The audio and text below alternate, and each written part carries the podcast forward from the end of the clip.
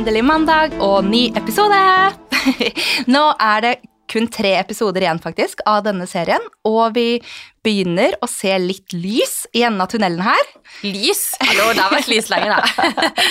ja, vi, eh, det er eh, oppover nå, altså. Vi startet eh, jo første episode rett før sommeren, og det har skjedd utrolig mye siden det. Vi har nesten konket, men vi reiste oss igjen og ble enda sterkere. Vi fikk Gründerprisen i høst. Vi har lansert community-delen av appen vår.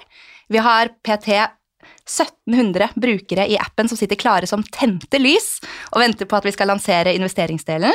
Og vi har masse gullmedlemmer som har betalt for medlemskap. Så det er jo god flyt nå. ja, veldig.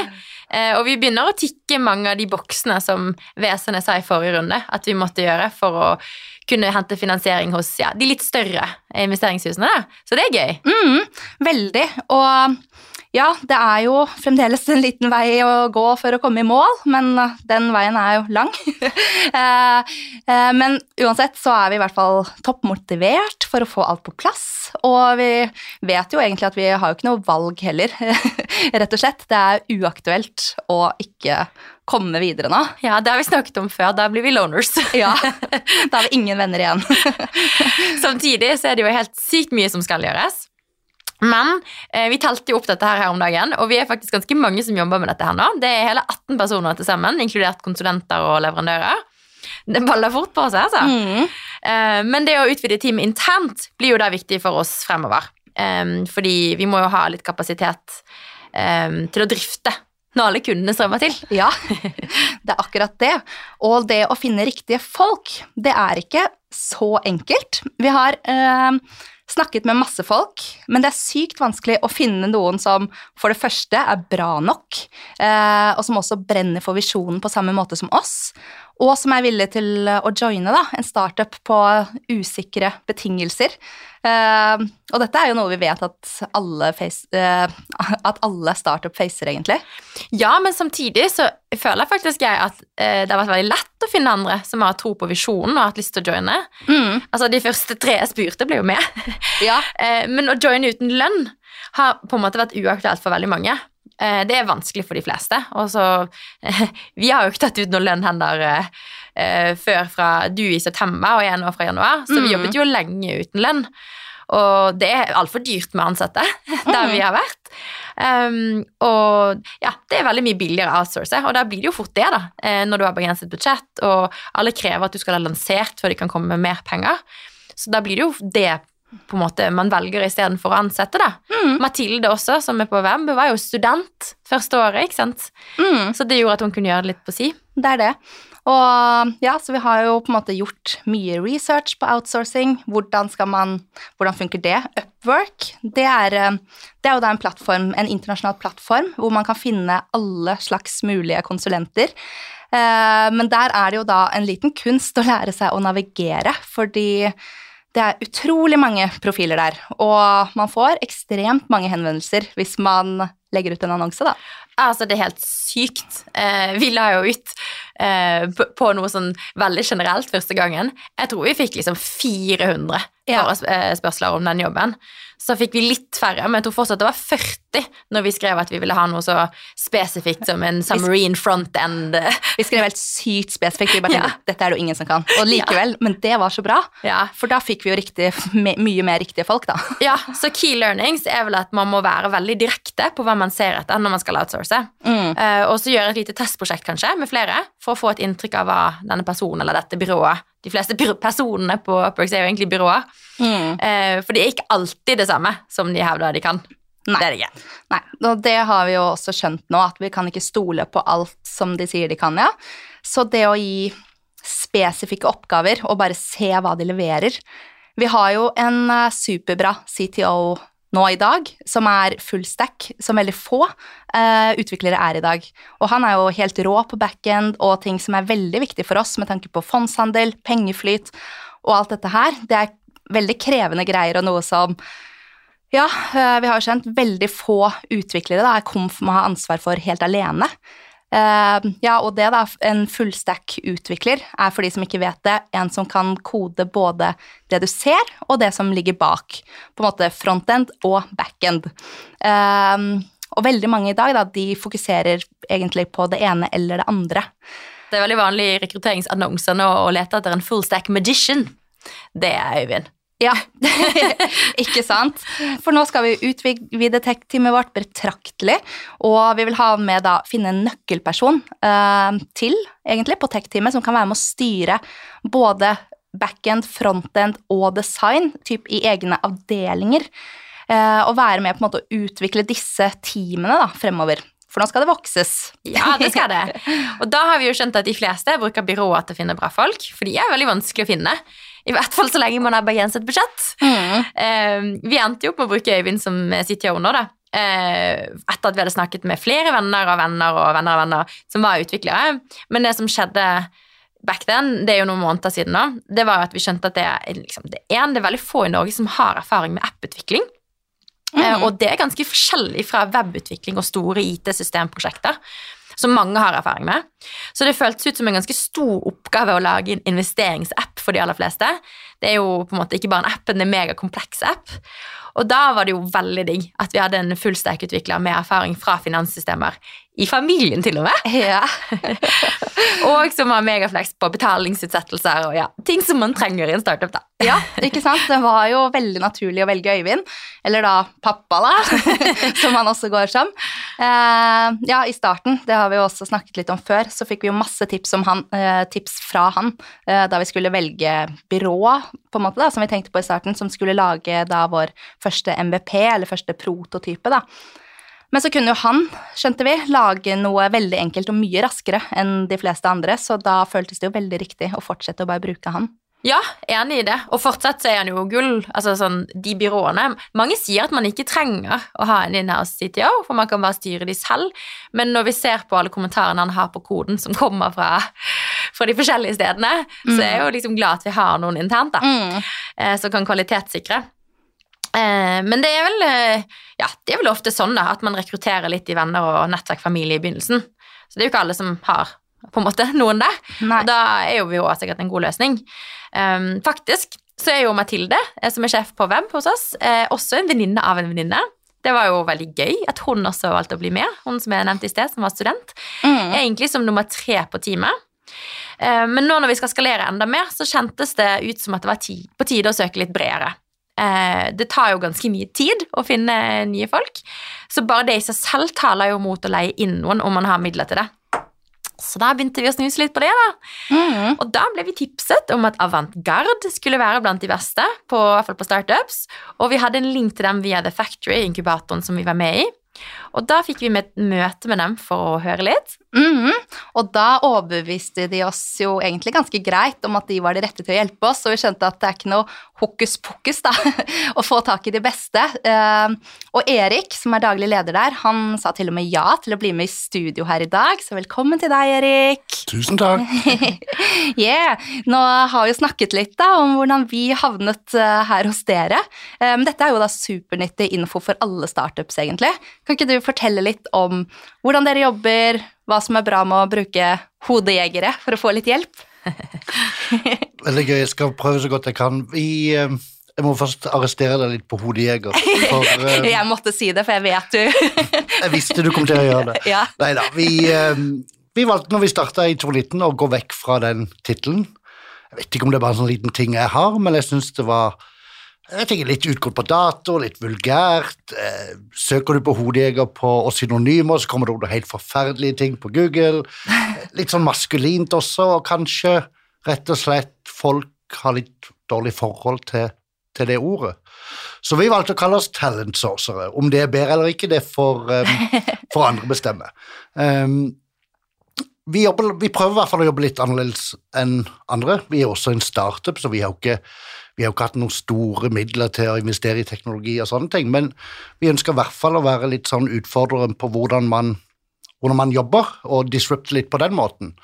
Uh, og er vel de eneste per i dag som har Eller for å snu litt på det, vi, vår bransje har brukt år og år på å utvikle verktøy og prosesser, og vårt mål har vært å bare rive de i filler og bygge opp på en helt annen måte. Og, og, det er jo her dette med smidig kommer inn. Og vi har klart i hvert fall å implementere åtte av tolv smidige prinsipper i hvordan vi jobber, og det blir jo sånn vi skal jobbe med, med dere nå, forhåpentligvis. Mm, ja, det er jo litt sånn lean startup og ja.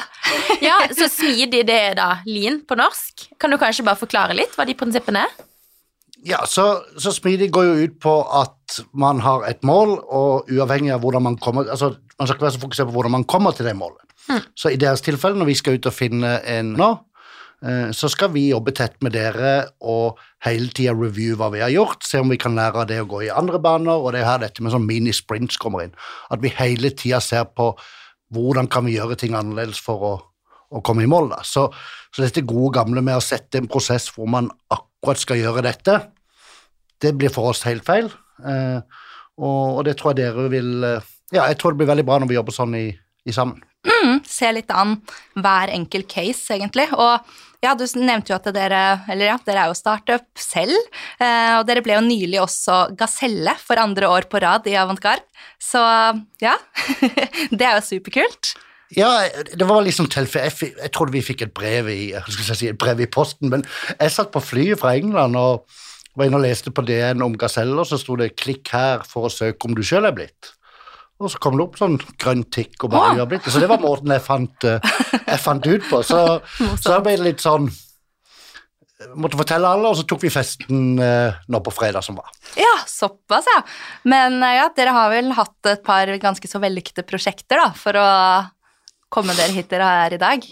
Ja, så, jeg syns vi, vi, var litt faktisk veldig heldige, og jeg syns ikke det er noe galt i å, å si det. Sikkert litt flinke også, men, men eh, når vi starta i 2019, så fikk jeg en telefon fra et teknologiselskap som var på det tidspunktet veldig ambisiøse, som het Airthings. Um, var inne og snakka med tre i ledelsen der, fikk god tone, og Vi ble enige om vi skulle gjøre et sånn type pilotprosjekt på tre stillinger. Uh, det gikk veldig bra. Og så har jo Airthings vokst i skyene og blitt veldig kjente også. Så har det gjort at det har spredd seg til, til andre selskap som enten har sett at vi har jobba med de, de har blitt fortalt osv. Så, videre. så har det i grunnen bare dukka opp flere og flere spennende kunder. Eh, mm. Men så må jo vi sørge for at vi gjør en, en damn good job, sånn at vi når dere vokser i skyene, så bruker dere også og ikke hopper over til noen andre. Ikke sant. Og vi hørte jo også igjen, øh, om dere gjennom venner og bekjente som var fornøyd, da. Så det er, det er bra. Det er litt mye press av og til, men, øh, men det er bare bra at vi, vi, har det presset på at vi må, vi må leve opp til, til de gode tingene folk ikke sier sant? om oss. da. Men hvordan, når dere jobber, da, hvordan finner dere kandidater som dere tar kontakt med? Er det noen forskjell på når dere jobber med store selskaper eller når dere jobber med startups, og hvordan dere går frem? Nå sa du at dere er på en måte prøver å være lean da, i hver enkelt case.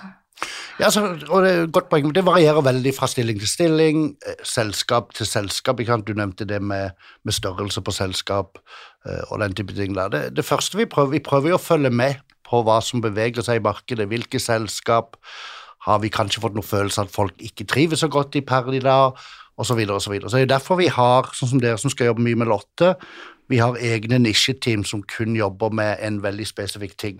For da blir man bedre kjent med selskapet som har utviklere, man blir mer kjent med utviklere generelt og vet litt mer hvordan, hvor man skal gå hen for å, å lete. da.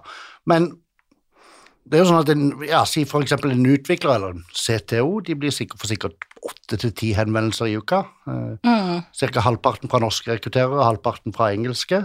Så det er jo å finne en hyggelig, jordnær måte, pleier jeg å si, å kontakte, kontakte de på, og ha full forståelse for at disse folka ikke nødvendigvis er på utkikk etter jobb, men rett og slett bare høre om de kunne tenke seg å, ja, å høre litt mer om, i deres tilfelle, om dere, da. Mm. Så jeg tror litt sånn vi er i en veldig stiv og litt sånn arrogant bransje, mange har de assosiasjonene. Jeg tror litt sånn som dere, så tror jeg det bare å være seg sjøl og down to earth, og da tror i hvert fall jeg at man kommer lenger. Mm. Så når dere tar kontakt med kandidater, da finner dere, sitter dere på en måte og søker de opp og finner enkeltpersoner, og så tar dere direkte kontakt? Ja, så vi, vel, vi gikk ut sånn med en gang og sa vi skal ikke ha noe database, og det skal vi aldri ha. Eh, for jeg tror folk kan ofte støtte seg for mye på en database, så vi tenkte hvorfor trenger vi det når man har LinkedIn og også kan bygge nettverk på, på, på andre måter. Men vi, flere måter vi finner folk på. Så med dere så vil vi nok prøve å kartlegge hvilke selskap hvor det kan sitte folk som kanskje er litt usikre på framtida. Eh, vi ser også i de større selskapene hvor kan det være folk som vi tror har lyst til å være med på en spennende reise heller med dere og være mer involvert enn det man kanskje er for hvis man jobber for de store. Så det er ikke minst, og det kommer dere til å merke på godt og vondt nå som dere er blitt litt kjent med oss. Så vi tar kontakt med folk vi kjenner og hører om de kan tips om små folk. Så nå skal jeg nå tipse dere etterpå for en CFO-stilling jeg jobber på. Så get, get, used to it. ja, ikke sant. Uh, ja, og det er jo sånn som vi tenkte litt i starten, da, og som uh, sikkert veldig mange andre startups og generelt tenker, er jo litt sånn hvorfor er det bedre å bruke dere enn å gjøre det selv? Uh, LinkedIn er jo åpen for alle, men ja. Så jeg syns jeg syns det er en fint å, å, ha en blanding. Da nevnte at dere hadde ansatt Var det en venninne av en venninne? Mm. Og jeg tror det er veldig lurt, i hvert fall når man skal i begynnelsen, at man prøver å ansette også folk som er litt nære seg nære seg enn en, en noen, noen, andre. da, og Veldig mange startups som er nå over i type skaleringsfasen, har i hvert fall de første ansatte har vært bekjente eller bekjente av bekjente. Men så kommer det på et tidspunkt hvor dere ønsker å nå ut til folk som kanskje ikke kan nå ut til sjøl. Eh, man kan heller ikke, tror jeg, bygge et selskap med 20 bestevenner, eh, selv om det hadde vært kult om det går an å få til. Men det nå vel litt Bare 20 bestevenner som investor. Ja. Ikke sant? Nettopp. Eh, så eh, la de være på investorfronten. Nei da. Eh, så vi, jo, vi, har jo mer tid enn dere, for det er jobben vår. Ja. Så vi kan sitte der day in, day out og prøve å kartlegge og nå ut til folk, og så lenge vi kan fremstille dere på, på den måten dere er, og potensial hos dere, så kan vi gjøre en god, god jobb, da. Mm, ja, vi er jo ganske så overbevist nå om at vi gjør det riktig, men det er bra å høre, da, at det er vanlig på en måte å gå for litt sånn friends and family i starten, akkurat sånn som vi har gjort. da, Nå mm. er vi vel på akkurat dette punktet som vi bikker over på. ja, nei, jeg syns det er, jeg vil nesten si det er et must at man man begynner der. Og da, ja. får man, mm. sant, da, får man, ofte lojale folk også, og man vet man jobber bra sammen. Og selvfølgelig når man vokser, så ja, det er jo som sagt, kan være, Du kan ha 20 investorer som er venner, men kanskje ikke 20 ansatte. Ja, det er jo billigere med investorer. Hvordan er inntrykket ditt da, at deres kunder, sånn som oss, på en måte finansierer dette her, da, med Man tenker liksom Det er jo derfor man sikkert tenker at man har lyst til å gjøre så mye som mulig selv, fordi man ikke vil sløse penger på noe man kanskje tenker at man kan gjøre selv, men så skjønner man at man kan jo ikke gjøre dette selv. jeg skjønner, Vi har jo vært der sjøl også, og bare for oss, ikke sant, det vi driver med, er jo mye mye lavere koster enn, for, enn dere som skal utvikle teknologi, men selv meg eh, Det var det verste eller det, det skumleste med å starte for seg sjøl, det var å måtte se på bankkonto hele tida. Mm. Eh, og av og til tenke 'uff, hva skjer nå hvis ikke vi får inn disse pengene'? Eh, men jeg tror det som er, er, viktig å forstå, det er at det er folk der ute som ønsker å være med på sånne reiser som dere nå har foran dere. Du vil selvfølgelig få noen som vil ha det trygt og greit i en av de store, det er helt fair, men det er veldig salgbart, både det dere driver med, altså det dere prøver å utvikle. Jeg tror dere er salgbare som gründere, dere har fått med dere gode investorer. Lotte hos oss, hun hun velger med omhu, altså, så det er mye oppdrag hun sier nei til. Og når hun sier ja, så, jeg, så vet jeg at hun har ståltro på at vi, vi, kan finne noen. Uh, ja. Ja, det er jo som du sier, veldig spennende dette med bankkontoen. så ja, og mer og mer, så spenning. Ja. Der liker du å henge. ja. Jeg er ikke noe sånn investorfrik sjøl, men vi snakker litt på kaffe til, til morgen. Det er jo noe som blir mer og mer en, en trend, og spesielt kanskje for de yngre generasjonene også. Så vi har, eh, vi har rekruttert for flere investeringsselskap på, altså innenfor tech, og det har vært litt enklere, faktisk. Eh, enklere på tech? På tech inn mot investering. Krypto er veldig hot, selvfølgelig, men, men jeg, jeg, tror det er flere og flere der ute som liker å gå den veien, at i hvert fall fintech eller investering er mer attraktivt enn ja, Martech, eller hva det nå heter. Jeg vil tro fintech er mer eh, interessant for veldig mange. Eh. Mm. Ja, det har vært veldig hot, eh, i hvert fall på TikTok ja, virkelig. siste årene. Og det som er veldig kult nå, er at vi er i en fase hvor måte, vi har kommet langt nok til at vi har validert oss og selskapet, men samtidig så er det så innmari mye som skal skje videre, da. Så denne nøkkelpersonen som vi skal ha med nå I starten snakket vi liksom om at vi ville ha en co-founder, men nå har vi nesten kanskje kommet forbi det stadiet. Men det blir jo en som skal liksom virkelig få en uh, hovedrolle her til å være med å utvikle uh, hele teknologien og lage hele strategien, da, og på en måte bygge sitt eget team uh, innenfor en superkul bransje, og i tillegg jobbe med Uh, ja, med veldig, oss? Ja, med oss. og en veldig erfaren Ja. CTO, uh, han vi har i dag. Så ja, nei, det blir jo Det må jo bare være kult. Jeg, jeg, jeg tror i hvert fall det du sa, Kristine, med altså, Denne stillinga er jo Man skal ikke bare sitte og kode, men man skal ikke sitte bare og lede, eller bare rekruttere, eller bare lage strategi. Det er litt av alt. Så, og det vil jeg tro er attraktivt til de som ja, som rett og slett ikke bare vil sitte og kode, men som ønsker å gjøre noe litt mer, som kanskje også har litt gründer i seg, men ikke tør helt sjøl, og da er det litt deilig å komme inn til noen som er kommet godt på vei som, som dere. Så det, når man skal rekruttere, uavhengig av hvilken type stilling det er, så må man prøve å sette sammen en god story som gjør at folk tenker wow, Mm. dette har jeg i hvert fall lyst til å undersøke litt mer. Eh, og det skal vi gjøre. Ja, vi er godt i gang med å sette sammen noe for, for dere. Ja, og vi, eh, vi har jo nå kommet der at vi, måte, vi har gjort ja, en veldig liten runde og en litt større finansieringsrunde, og så skal vi jo nå hente en ganske mye større runde igjen eh, til våren, så på en måte dette er jo en stilling med, med lønn. Ehm, og det Ja, eh, det er jo ikke bare vi som har hentet penger om dagen. Det begynner å bli ganske sånn hett startup-marked også her i Norge. Vi henger jo i, liksom, vi henger jo fortsatt etter amerikanske tilstander. Eh, der er det jo en helt annen liga, både på verdsettelse og lønninger av teknologer. Um, men ja, hvordan vil du si det Eller er, gjør vi det? Er det det? Eller er det amerikanske tilstander? Er det ikke, eller er det helt bananas? Eller? Jeg syns i hvert fall fra det Jeg syns investeringsviljen her i Norge er veldig stor akkurat nå inn mot tech-startups.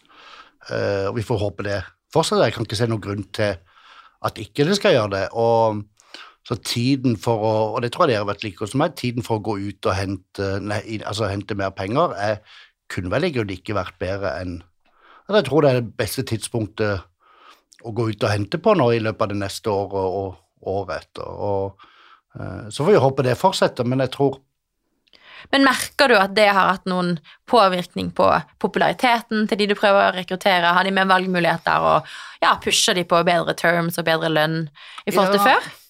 Altså, jeg har ennå, vi er ennå ikke kommet der, mener jeg. Jeg, jeg jobba mye inn mot oljebransjen før, og, og var du geofysiker eller geolog, så kunne du flytte på deg hver dag og få 100 000 mer i lønn.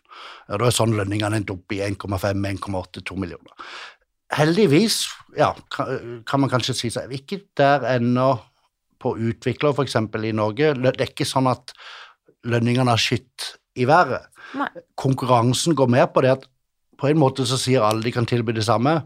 Interessant startup, være med å påvirke, bla, bla, bla, bla. ikke sant? Mm. Så man må bare finne unike ting å selge seg sjøl på, og jeg tror dere, i hvert fall det jeg har sett av dere på TikTok og på Instagram, og måten dere er på, tror jeg det viser at dere, hvordan dere er, og jeg føler det litt ekte. Det er ikke bare liksom øh, oppgulp om øh, hvor store dere skal bli. Det, dere er jordnære og, og flinke, syns jeg, og det liker i hvert fall jeg.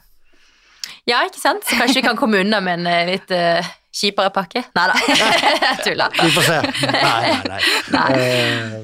Eh, men det jeg har hørt, da, det er jo at når man er på sin andre startup, om den første gikk bra, da blir man helt sykt ettertraktet i nye startups som betaler sinnssykt bra for å få den Mm. kompetansen in-house. I hvert fall de som på en måte er backet av utenlandske investorer.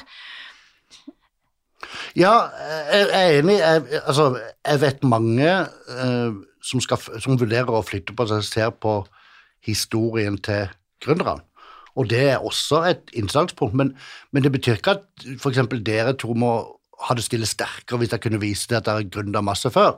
Jeg tror det er mer bare den generelle bakgrunnen deres, om dere har gjort det bra i, i karrieren. Og dere har jo nokså forskjellig bakgrunn, og jeg tror også det er nyttig. Så, så man må bruke liksom dere som gründere, ok, én ting er å selge selskap og stillinger, men dere skal på en måte selge deg sjøl også litt. Få folk til å tro på at uh, dere to er, kommer til å få, få dette til. Uh, og det er viktig å tenke på. Mm. Ja, da kan de jo join oss og så kan de bli helt sykt ettertraktet når vi er unicorn. og, så kan de, og så kan de stikke? Ja. ja, men, det, ja men, når vi er unicorn, så, så, så er jeg også gunners. Nei, det er tuller. men det er sånn som uh, utenlandske investorer sier også, bare sånn uh, ja, dere må ha en uh, unicorn ansatt. ja, Nei, men jeg har jo det. Jeg har en, eh, jeg har en svoger som eh, har sånne investorer fra USA da, som er veldig sånn opptatt av det hvis de skal ansette noen sånn Yeah, so which unicorn did he come from? Yeah. så, What? I don't recognize these logos. What about finding someone from Netflix? ja. Vi er ikke helt der ennå. Det er vi ikke. Så Erik, nå vet du hvor du skal liksom Nå vet jeg hvor, hvor lista ligger. Hvor lista ligger. Tenk, ja. Vi intervjuer kun folk fra unicorns. Hva er kandidatene syns er viktig nå? Er det noen trender på, på måte, Tenker de også på pensjon, tilskudd til hjemmekontor, work-life balance? En ting, som er, altså, en ting som har overraska meg, er faktisk hvor lite pensjon. Jeg føler det blir mindre og mindre viktig, spesielt hos yngre folk. Selvfølgelig, noen vil ha høy pensjon, men da får de det hos de store konsulenthusene eller hos de store selskapene. Mm. Men jeg tror jeg vet ikke hvor mange ansettelser vi har gjort siden vi starta, si 400 kanskje. Jeg tror, vi har, jeg tror vi har fått ett tilbud, eller en kandidat som har takka nei pga. pensjonsordninga. Så det, ja. det, sier i hvert fall at jeg ikke tror det er så viktig. Uh, hvert fall i, og Spesielt hvis man får aksjer eller obsorsjoner og sånne ting, så blir jo det på en måte pensjon. Ikke ja, sant? Er, er 2, 2 mm. person, 2 pensjon, eh, pensjon sjøl og er jo helt uh, ja, det er ikke mye igjen til meg hvis ikke dette blir en suksess. Heldigvis har vi en plattform, sånn at de kan investere litt i fondet. Kanskje, kanskje, jeg burde investere investere pensjonen min da, men, eh, men, jeg tror hjemmekontor begynner å bli mer og mer viktig. Ja. Eh, men, men, det er også noen som ønsker å ha et sted å komme på det, så det er ikke alltid bare det å være fem dager hjemme er positivt, men jeg tror det er viktig. Disse gode gamle tingene, eller gode gamle tingene Dette med fancy kaffemaskin og alt det her, det Kanskje folk trodde det var hot å selge på det for to-tre år siden, men, men, sånne ting er det omtrent bare nå. Det er ikke derfor man flytter jobb. Nei, bra. Så det, det, ikke sant? Eh, så, så, det er mer troen på gründerne, eh, hva man får jobbe med og gjort. Eh, og så tror jeg også for det, altså det å ha, ha, en eller annen form for opsjoner eller aksjer eller hva det måtte være, det, det er også viktig. Og lønn, selvfølgelig. Men ja. Ja, jeg ble litt sånn overrasket når jeg hørte fra noen andre da, at folk var veldig grinete på pensjon og tilskudd til hjemmekontor og sånt. Fordi eh, det systemet jeg kommer fra, er jo veldig sånn eh, fra Pareto, da. Eh, og du har veldig lite perks, og så skal alt på en måte inn i bonuspotten, da. Og det det gjør, er at du får du får jo høyere lønn, og det er jo det du kan kjøpe bolig med, det er det du kan gi til livet med nå. Eh, mm.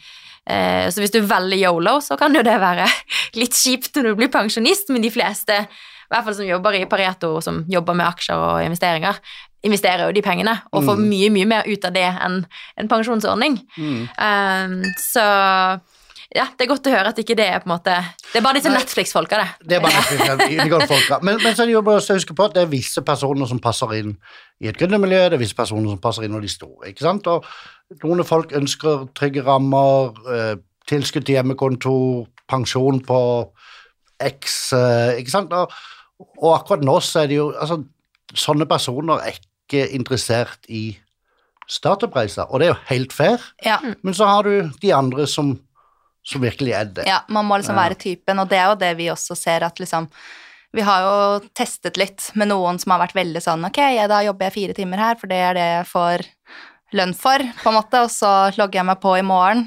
Eh, og det funker jo ikke så bra. Vi må, vil jo på en måte ha en som bare er på dag og natt. Ja.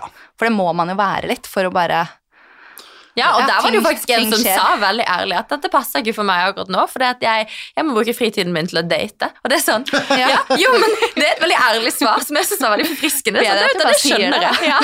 ja, nei, men da er ikke du riktig person. Ja, men det er også bare en ting eh, Skal se om jeg glemte nå før du begynte med datehistorien din, men Helt satt ut nå. helt satt ut, nei da. Um, Ja, du satte meg ut, faktisk. Så ja. kanskje vi kommer tilbake etterpå. Men eh, kan ikke vi altså Nå har vi snakket mest om tekniske folk, da, siden det er det vi har en prosess med deg på. Um, hva med andre nøkkelroller, da? Uh, og nå vil du si at det er vanlig å se etter en ekstern CEO, eller ja, CFO, som du nevnte. Eh, så hvor lenge har jeg, har jeg jobb? du har jobb til der selger deg sjøl til Netflix. yeah, akkurat det du vil høre. Uh, nei da, jeg tror Netflix going into fintech. Netflix stenger ned sin løsning da, og kun inn mot investering. Nå kom jeg på hva, hva jeg glemte å si når du begynte å bable om datinga til han personen som sa nei. Mm. Um, det at dere ut, også skal utvikle en app Veldig mange, og, og i og med at fortsatt, altså Der kan folk se hva de har utvikla. Mm. Hvis dere ansetter Kari eller Peter, så kan de se tilbake om ti år og si 'That's my app'. Mm. Og det må vi huske å få med i det materialet vi skal bruke. Ja, at det er liksom en konkret CV. Ja, eh, Virkelig. Eh, tenker jeg. Ja. ja nei, det ja, og Zuckerberg han er fortsatt CEO i Meta. Ja, Nå har du, fått, nå har du fått tenkt litt, vet du. Ja. Så da kan jeg også være det. Nei, nei, det, jeg kan også flere CEO lenge. Ja, jeg tror kanskje trenden er litt at eh, her i Norge, i hvert fall som på nå, så når, når selskapet har opplevd relativt stor suksess, så ser man en tendens til at gründeren kanskje trekker seg ut, i hvert fall fra CEO-stillinga, jobber mer på på forretning. Eh, men vi er jo langt, langt vekke, da. Mm. Eh, så kom til meg om ti år, så skal vi finne deg en annen jobb hvis du, hvis du vil ha det. Men da, da, er jeg på Bahamas. Da er du på Bahamas, ikke sant. men, men, det varierer jo veldig både fra styret og investorene, ikke sant. Så, og veldig personen også, så, så, hvis du er en dyktig CEO, Madeline, så blir du med for alltid, gjør du ikke det? Jo, jo. Ja, ja. Akkurat nå er det Så lenge jeg får ta meg et år i Karibia. ja. Vi kan uh, starte, starte der, så kan du ja, ta med deg stack. Dere har jo home office, så du kan vel jobbe fra stranda i Bahamas, kan du ikke det? Det kan jeg. Det kan jeg. Det blir god wifi det. Ikke sant? Så. Det er masse perks her i stack. Ja. ja, ja. Nei, men altså Uansett, det blir kjempespennende å gå i gang med denne prosessen nå, Erik. Vi gleder oss veldig til å se hva dere klarer å diske opp med. um, ja, det blir spennende å se om vi rekker å finne noen før neste fundraising-runde. Og den runden skal jo hovedsakelig gjøres for å skalere produktet vi har nå, så det betyr jo at teamet skal bli enda større fremover, og det kan nok uh, godt hende at vi kommer en tur innom kontoret deres igjen. jeg, tror, jeg, tror, det som lover bra, er at jeg merker dere er veldig gira på dette og det er en stor fordel. Vi er alltid gira, men det er dere også, og, og, det må man være. Eh, for det skinner gjennom i alt man gjør. Og jeg husker når vi sendte dere litt sånn eh, litt info på forhånd hva vi trengte av dere, så var det jo før jeg hadde lagt meg på kvelden, så hadde alt kommet gjennom. ja, ja, ja. Eh, og det er kjempebra. Ja, vi lever ånde for dette her. Så, og det, det, er også, det, er også, viktig å få fram når man skal Altså et stort innsalgspunkt, at folk får oppleve dere som at det er virkelig Ja, du kalte, hva kalte du leverånder for det? ja. Jeg vet ikke hvordan du føler Kristine, men jeg synes også det å ansette er sånn første skoledag. Du er så nysgjerrig på hvordan alle de andre vennene i klassen kommer til å være. ja, du gleder deg litt til å treffe de da. Ja. og vi skal ansette en hel skoleklasse, så det her er bare å finne den perfekte kandidaten vår, Erik. ja. We'll see what we can do. ja, så nei, men i dag det har vært masse gode tips, og både vi og Erik er uh, veldig aktive og tilgjengelige på sosiale medier og LinkedIn.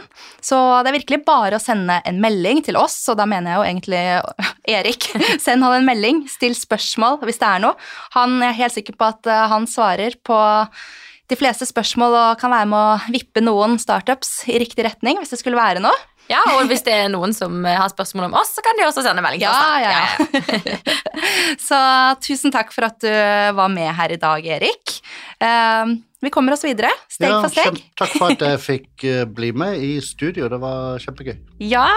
Yay. Vi snakkes om to uker. Ja! Ha det. Ha det.